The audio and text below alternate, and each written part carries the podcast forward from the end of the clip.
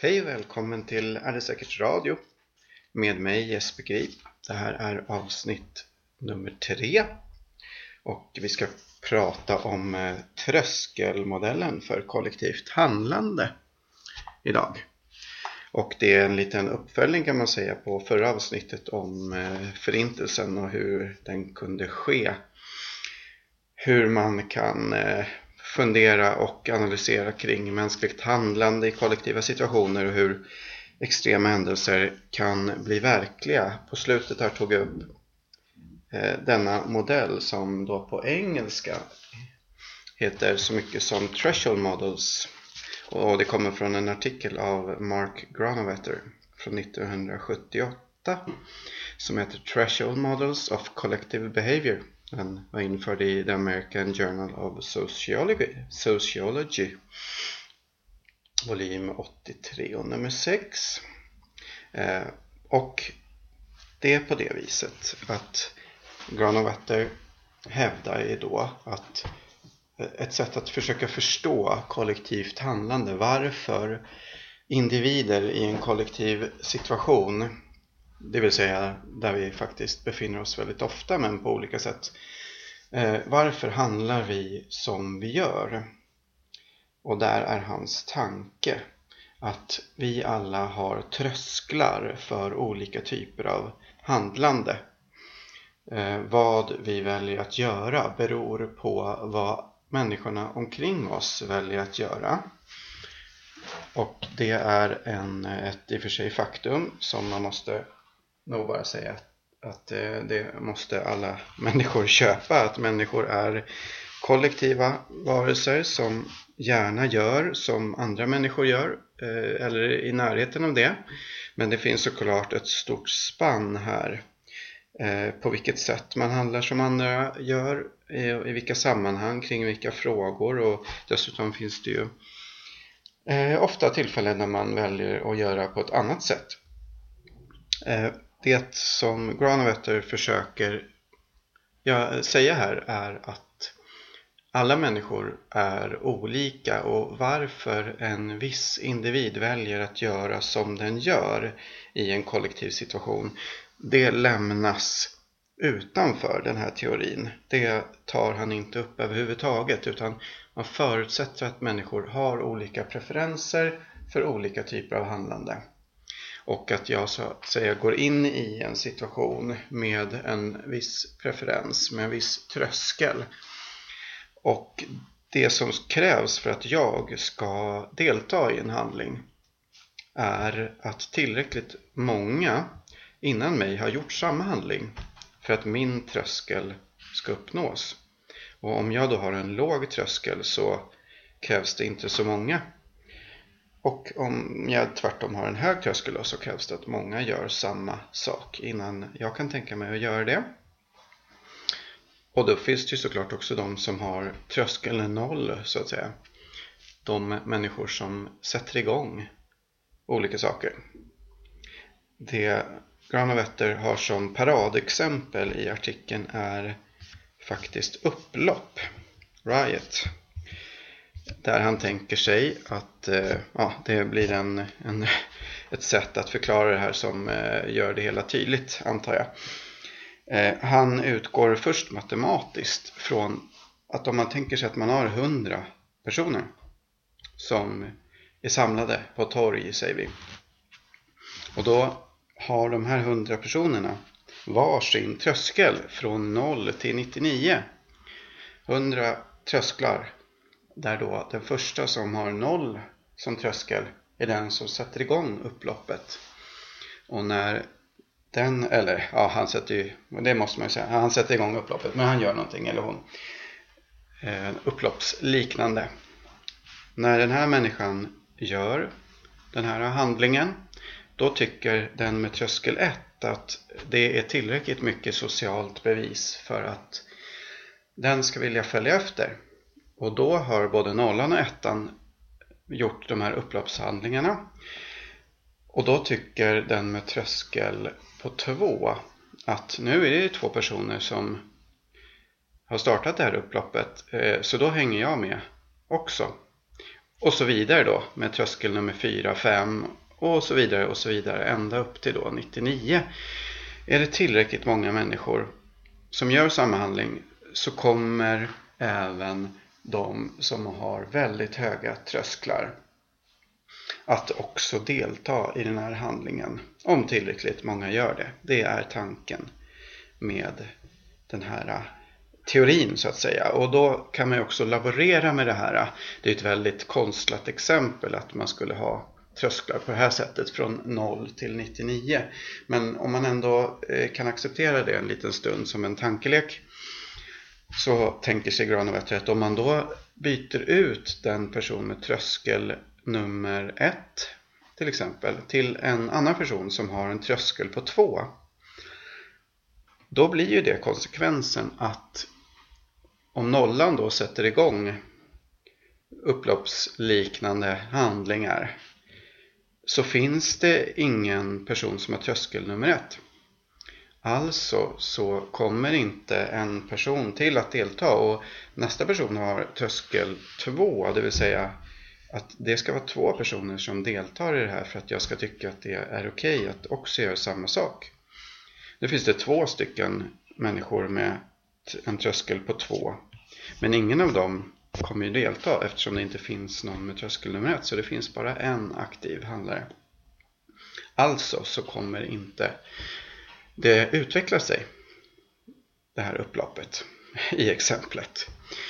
Och det kan man ju tänka sig då på alla nivåer så att säga. Och man kan byta ut en person och få helt andra typer av handlingar. Tvärtom blir ju samma sak att om man då byter ut några personer som har lite högre trösklar på 10 till 20 eh, så att istället för att ha 10 personer mellan 0 och 9 så har du 20 personer mellan 0 och 9 eh, så då, då får ju den här eh, tröskeleffekterna dubbel inverkan så att det går snabbare att eh, det här beteendet sprider sig för att tillräckligt många är med och deltar så att det blir sociala bevis för att det är okej okay också för mig att delta. Och som sagt, det är så att säga upp till var och en, eller inte upp till var och en, men var och en har sin egen tröskel. Det här blir ju ganska svårt att liksom laborera med i praktiken innan det har hänt. Och det här skriver ju Granovetter ganska omfattande i artikeln om. Att i verkligheten så är det ju mer komplicerat än den här matematiska modellen. Eh, så att till exempel kan man ju tänka sig att påverkan från en vän är större än påverkan från en främling i många fall. Så om det är ett antal människor som är bekanta med varandra som är i samma sociala situation så kommer man att sänka trösklarna för deltagande i den här handlingen eftersom ens vänner och bekanta gör den här handlingen. Och medan då om en, en främmande människa gör samma handling så blir min tröskel för att delta i den här handlingen högre. Så att det är socialt beroende också hur tröskeln ser ut, hur min tröskel ändrar sig. Trösklarna är så, alltså situationsspecifika på sätt och vis beroende på dels vad det är för handling som man då eventuellt kan tänkas ta efter. Upplopp är ju ett exempel i det här fallet men det här tänker sig Granötter att det gäller för alla typer av kollektiva handlingar. Så att jag kan ju ha en typ av tröskel för upplopp och en annan typ av tröskel för att eh, dricka kaffe om alla andra gör det. Men jag skulle inte gå själv och ta en kopp kaffe men om jag ser några stycken som står där så, så kan jag också tänka mig att delta. Men jag är inte den som går först och, och tar en kopp kaffe, säger vi. Samma individ som också reagerar på olika eh, sätt i olika typer av händelser behöver ju inte ändra sin tröskel heller. Utan man kan ju tänka sig att det ändrar sig då i förhållande till situationen. Beroende på vänner och antalet människor. Så att man ska inte se det som att Eh, handlingar som jag utför i grunden beror på bara mig. Utan det beror på mina preferenser som jag har i grunden och på hur det sociala sammanhanget ser ut runt omkring mig. Med mina preferenser så går jag till, eh, ja, till eh, ett ställe där många har samlats som av någon anledning verkar kunna utveckla sig till en, ett upplopp. I ena fallet så är det ganska många med höga trösklar som är där. Och då kanske jag också har en ganska hög tröskel, säg på 50 av 100. Eh, om det är många med höga trösklar så händer det till slut ingenting. Människor är kanske arga då eller någonting, några beter sig. Men eftersom det är för många med höga trösklar så utvecklar det sig inte till ett upplopp medan jag en annan dag har gått till en liknande situation och där visar det sig vara många människor med låga trösklar. Då deltar jag också till slut fast eh, min tröskel har ju inte ändrat sig. Ändringar i sammanhanget ändras, alltså trösklarna. Granovetter tar ett exempel här med om vi säger att vi har en upploppssituation och polisen kommer med vattenkanoner eller något liknande. Det kan ju då höja trösklarna, kostnaderna för vissa deltagare som inte alls tycker att det är värt att delta längre. Medan kanske för andra, andra deltagare så blir det här ytterligare bevis för att man faktiskt ska delta. Så att ju mer man eh, liksom laborerar med mer realistiska scenarior så blir det här äh, mer och mer äh, komplicerat den här tröskelmodellen. Men man kan ändå ha den som en utgångspunkt i tänkandet kring varför saker händer, hur det utvecklar sig i en social situation. I verkligheten kan man ju kanske då tänka sig att den här kurvan, eller vad man ska säga, för fördelning av äh, trösklar är kanske mer normalfördelad som man brukar säga. Det vill säga att eh, det är ganska få som har väldigt låga trösklar. Eh, lite fler som har hyfsat låga trösklar. Ännu fler som har inte så låga trösklar, det vill säga mellantrösklar. De flesta människor har mittemellantrösklar säger vi. Och sen tvärtom på andra sidan att det blir färre och färre ju högre trösklar vi talar om. Eh, så av hundra människor så är det bara några stycken som har de här eh, trösklarna kring nollan. Och så blir det större antal som har trösklar i mitten. Och då kan man ju också tänka sig att det här utvecklar sig och eh, ja, utvecklar sig eh, väldigt olika beroende på hur den här kurvan är förskjuten. Om man har lite fler med låga trösklar eller fler med höga trösklar. Eh, en annan eh, laborering som Granovetter tar upp är att jag kanske har en tröskel för att delta på 50 men också igen då att jag har en tröskel på att inte delta igen på 90% eller 90 av 100 eh, där jag väljer att inte vara med längre. Som ett jämförelseexempel så tar han eh, det faktum om man går förbi en restaurang och så är det nästan tomt då går jag förbi och vill inte gå in och sätta mig där för att min tröskel är så att jag inte vill sitta på en nästan tom restaurang.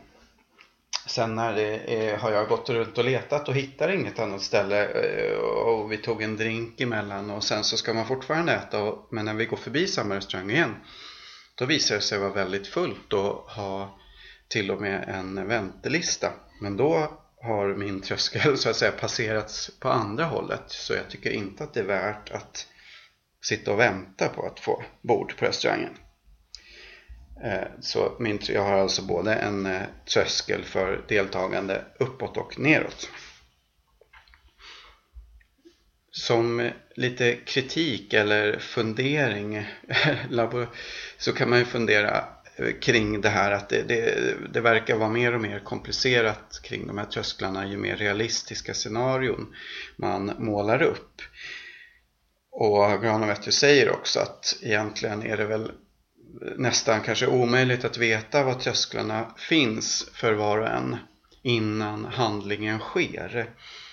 Där jämför han med prisbildning där man tänker sig att eh, producenter av en vara och konsumenter av den här varan har väldigt olika preferenser för vad de tycker att varan ska säljas för, vilket pris som är det rätta. Och det är väldigt svårt att ta reda på exakt eh, vilka preferenser man har och de kanske ändras. Men i situationen där varan faktiskt byter ägare mot en summa pengar då blir det ett bevis för vad man just då hade för tröskel för preferens. Man kom överens om ett pris som båda kunde acceptera. Och på lite samma sätt så visar sig min tröskel i handlingen så att det är kanske egentligen först i den här händelsen när jag väljer att delta det blir så att säga min tröskel. Det blir beviset på var min tröskel befinner sig någonstans. Ja, och det här kan eh, eventuellt upplevas som någon typ av lite cirkelresonemang. Att man tänker sig så här, frågan är varför blev det upplopp i den här situationen? Jo, men eh, då blir svaret att när det var tillräckligt många som hade tillräckligt låga trösklar som passerades eh, på grund av hur det utvecklades och därför blev det upplopp. Å andra sidan kan man ju då fråga sig varför blev det inte upplopp i en annan situation? Och då berodde det på att det var för många som hade för höga trösklar. och ja, det, det, eh, kan upplevas som ett cirkelresonemang. Och då tror jag man måste tänka sig att det här är i första hand en beskrivning av hur man ska så att säga förstå hur det här händer. Hur eh, det kommer sig att eh, sociala situationer utvecklar sig. Att det beror på samspelet mellan de individuella preferenserna i förhållande till de människor som är runt omkring mig så att det blir en aggregerad aggregerat eh, utfall av allas preferenser tillsammans. Eh, man skulle kunna jämföra med frågan varför växte blomman egentligen? Jo, blomman hade genetiska förutsättningar för att växa, det är det den gör. Och nu fanns det näring och vatten i tillräckliga mängder så att blomman faktiskt växte i det här fallet. Till skillnad från blomman strax intill som också hade genetiska preferenser. Men där fanns det inte tillräckligt mycket vatten och näring. Alternativt att de genetiska predispositionerna ska jag säga. Eh, de var lite annorlunda fast vattnet och näringen var detsamma. Därför så växte inte just den här blomman. Jag hoppas att den här lilla analogin framgick. Ehm, ja, i en verklig situation så kan man tänka sig att man genom att eh, plocka bort till exempel några människor i den här samlingen. Om man då skulle faktiskt veta vilka människor som är de här med de låga trösklarna i den här upploppssituationen. Eh, om man då på ett smidigt sätt lyckades manövrera bort dem på något sätt säger vi. Eh, så, mm, så skulle aldrig den här situationen utveckla sig till det här upploppet som det annars skulle göra. Och på det sättet eh, kan eh, det här i olika sociala situationer då användas är väl tanken och nu som sagt är exemplet med upplopp men det tänks att det ska alltså gälla för väldigt många olika typer av situationer. Det kan man säga är själva artikeln, Mark Ranovetros artikel, innehållet i den, hur han försöker förklara sin teori. Jag tänkte ta några eh, belysande exempel då som jag också var inne på i förra poddavsnittet så har Malcolm Gladwell eh, tagit upp det här åtminstone två gånger som jag känner till eh, eller som jag har uppfattat eh, dels i hans podcast Revisionist History avsnitt 3, The Big Man Can't Shoot. Och dels i Thresholds of Violence, en tidningsartikel som finns på hans hemsida. I det här eh, poddprogrammet så pratar han bland annat om eh, Eh, ett av basket, eh, amerikanska basketsportens stora stjärnor, Wilt Chamberlain. Jag tror att det var på 70-talet så var han en av de mest framstående basketproffsen. Eh, däremot så var hans eh, foulkast inte speciellt bra. Han kastade som alla andra, det vill säga klassiska basketkast eh, över, eh, ja, bakom huvudet och framåt. Man försöker pricka korgen. Vid något tillfälle så började han tvärt det här kastet istället när han då, ja men det går till så i basket att om man får en foul eh, i visst, viss del på planen så får man då foulkast, eh, frikast. Nu kan inte jag basket särskilt noga så eh, ni får väl stå ut med det. Men då började han kasta på ett annat sätt. Eh, underhandskast mellan benen. Så man håller basketbollen med båda händerna och hukar sig och har bollen mellan knäna och kastar upp den i en vid båge. Och när han började med det här eh, sättet att kasta så satte han otroligt många fler, över 50% om det var 60% av alla kast han gjorde. Under någon match var det ännu fler. Eh, så sätter han alla de här kasten Problemet var bara det att han, liksom många andra, tyckte att det här typen, det här sättet att kasta såg fånigt ut. Så till slut så slutade han faktiskt att kasta på det här sättet. Och, och gick tillbaks till det vanliga sättet att kasta. Och kom då också tillbaks till sina vanliga poäng, så att säga antal satta kast som var lite mer mediokert, lite mer som de flesta andra. Han var bra på många andra sätt men just det här med foul frikast gick han tillbaks till samma nivå som tidigare. Och den här typen, sättet att kasta basketbollen vid frikast har inte spridit sig. Malcolm Gladwell eh, lyckas hitta säger han här i avsnittet. Eh, två personer som praktiserar den här typen av kast. Eh, dels är det ja, en, någon, en basketspelare, jag kommer inte ihåg vad han hette. Eh, den andra är sonen till en av Chamberlains gamla basketkollegor som numera är tränare och jag vet inte vad han gör. Men han kastade också så när han var aktiv. Och hans son kastar på det här sättet. Det här är alltså egentligen ett vinnande koncept. Kastar man på det här sättet så är det lättare att, att sätta bollen helt enkelt och det borde ju alla vilja göra. Men det här sociala priset man betalar för att kasta på ett fånigt sätt som det upplevs är alltså för högt för att människor ska följa exemplet. Och där tänker sig Gladwell att skulle såklart fler basketspelare börja kasta på det här sättet så skulle man till slut, eh, till slut skulle här, kanske det här sättet att kasta slå igenom för att om några till kastade på det här sättet så skulle det bli mindre stigmatiserande, om man kan säga så, om ett basketkast. Att kasta på det fåniga sättet, underhandskast mellan benen.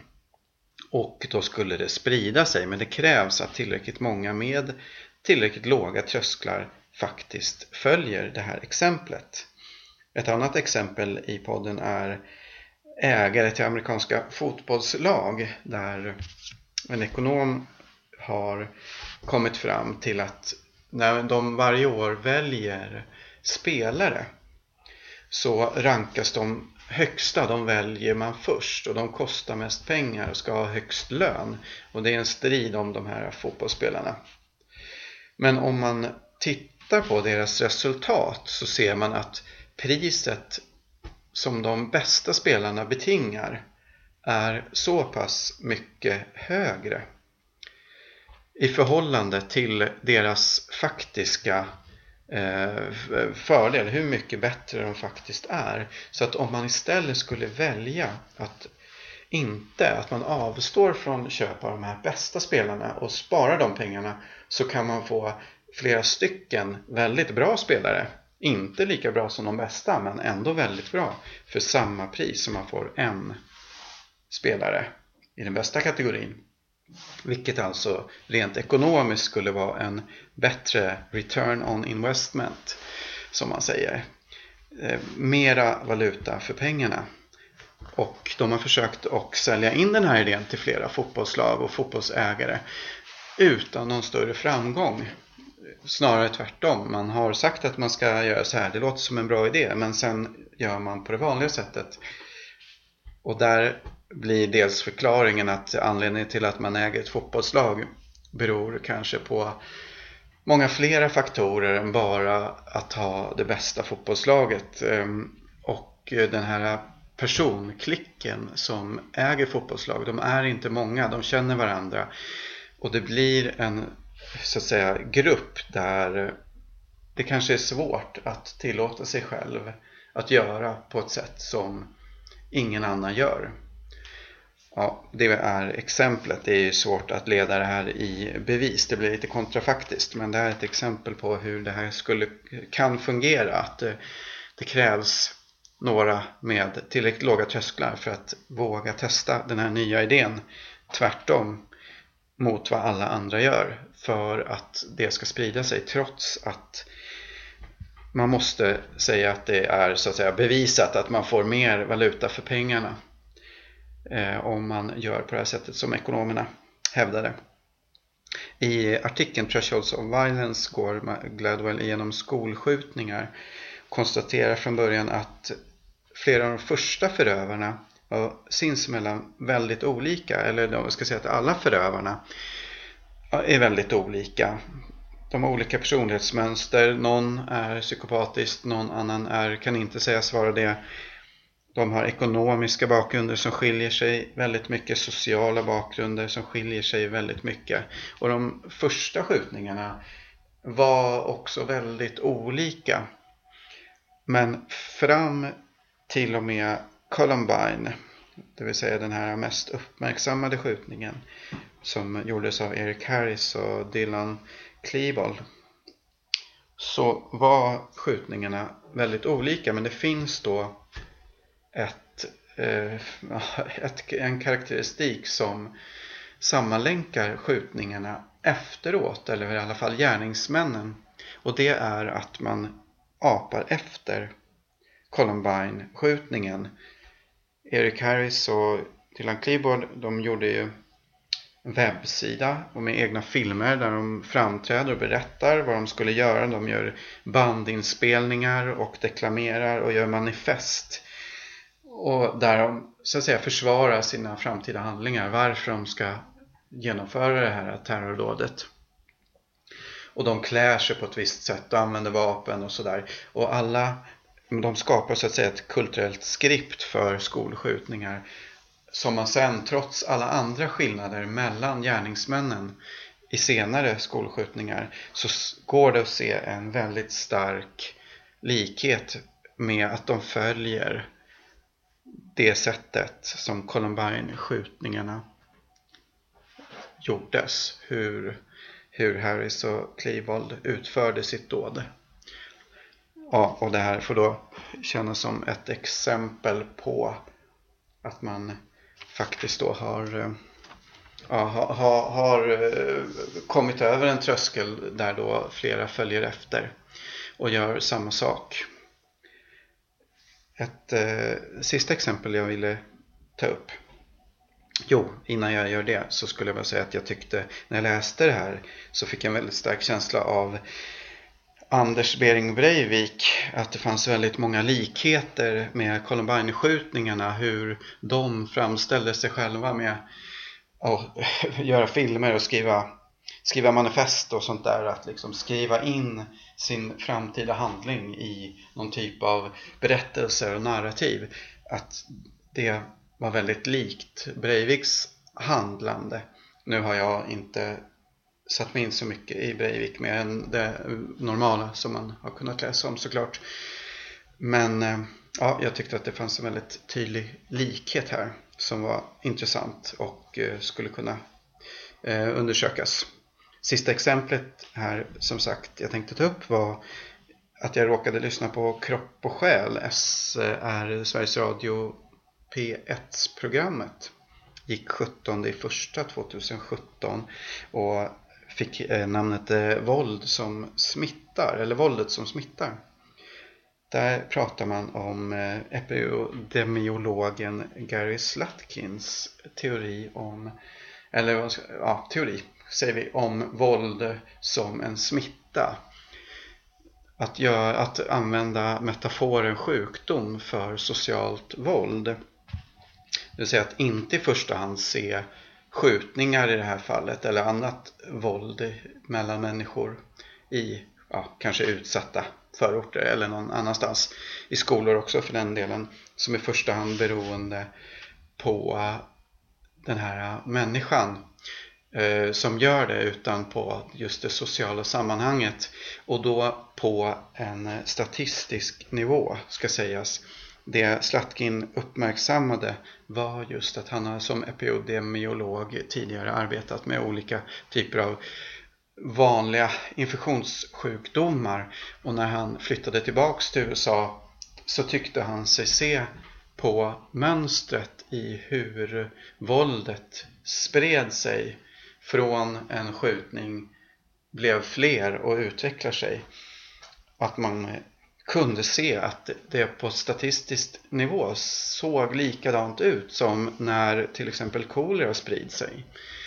Utan att ta den jämförelsen för långt så vill han ändå mena att man skulle kunna se det som en sjukdom och också då tänka sig att eh, insatser kan ses eh, i samma ljus.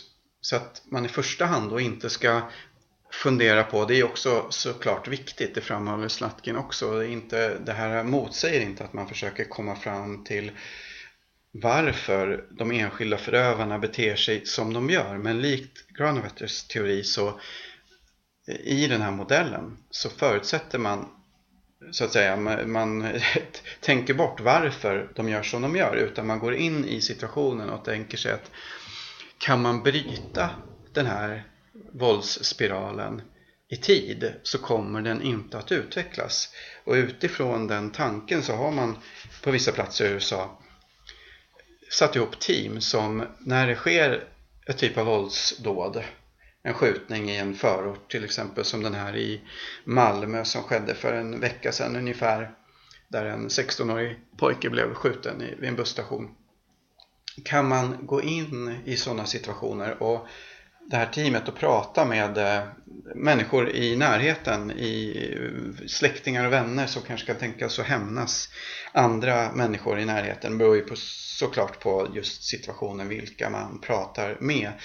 Och de människorna som går in måste ju känna till det här området som man går in i så att de vet vad som kan vara en intervention som faktiskt kan vara rimlig.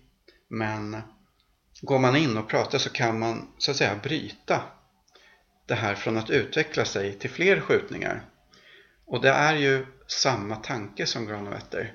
Att man har olika trösklar och den första tröskeln passeras av den första skjutningen. Men när den väl är passerad så kommer det vara enklare. Då har en person visat att det här är möjligt. Då kommer de här andra personerna med väldigt låga trösklar också ha väldigt mycket närmare till att eh, gå från tanke till handling eller deras eh, tanken på att göra den här handlingen kommer överhuvudtaget upp när den har utförts första gången. Så att den första som skjuter kan man då tänka sig ha tröskel 0 och sen de här som har tröskel 1 och 2 de har ju då mycket närmare till att faktiskt utföra den här handlingen och då går man in i den situationen och försöker bryta så att de här med låga trösklar men ovanför noll inte ska utföra de här handlingarna. Och här kommer vi tillbaka till eh, det vi pratade om i förra avsnittet där man kunde konstatera att i många fall vid de första avrättningarna med eh, kulsprutor i förintelsen på östfronten så gick ofta ledaren för kompaniet före och började skjuta. Man sköt ner ett gäng och hade på det sättet startat själva processen och tagit på sig rollen av den med tröskel noll. Vilket också gjorde det psykologiskt lättare för de mannarna att gå vidare med handlingen som redan har påbörjats och den med tröskel noll har påbörjat den så att det blir inte alls lika svårt för mig som inte har tröskel noll att fortsätta. Men jag har ändå en låg tröskel. Så att det går att jag fortsätter och det som sagt var inga egentligen som tvingades utöver vad den militära så att säga hederskodexen och polisiära hederskodexen kunde ge men vägrade man att delta så kunde man slippa också.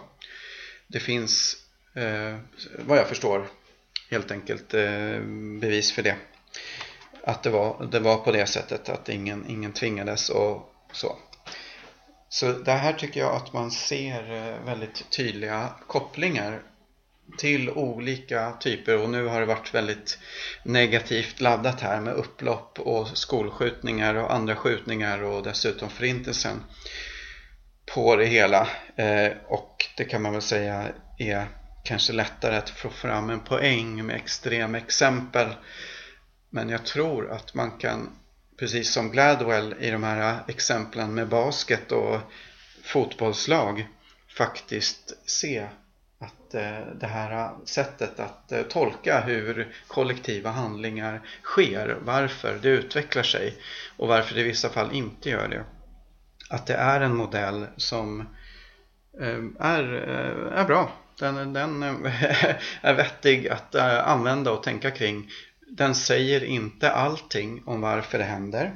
Och det är ett av eh, de lite mera ja, eh, lite, lite tråkiga inslagen i det här kropp och själavsnittet att man inte tar fasta på den analytiska skillnaden mellan förutsättningar för varför enskilda människor gör som de gör eh, och till skillnad från den sociala situationen som den utvecklar sig, att gå in i den och så att säga bryta. Att det är två olika saker.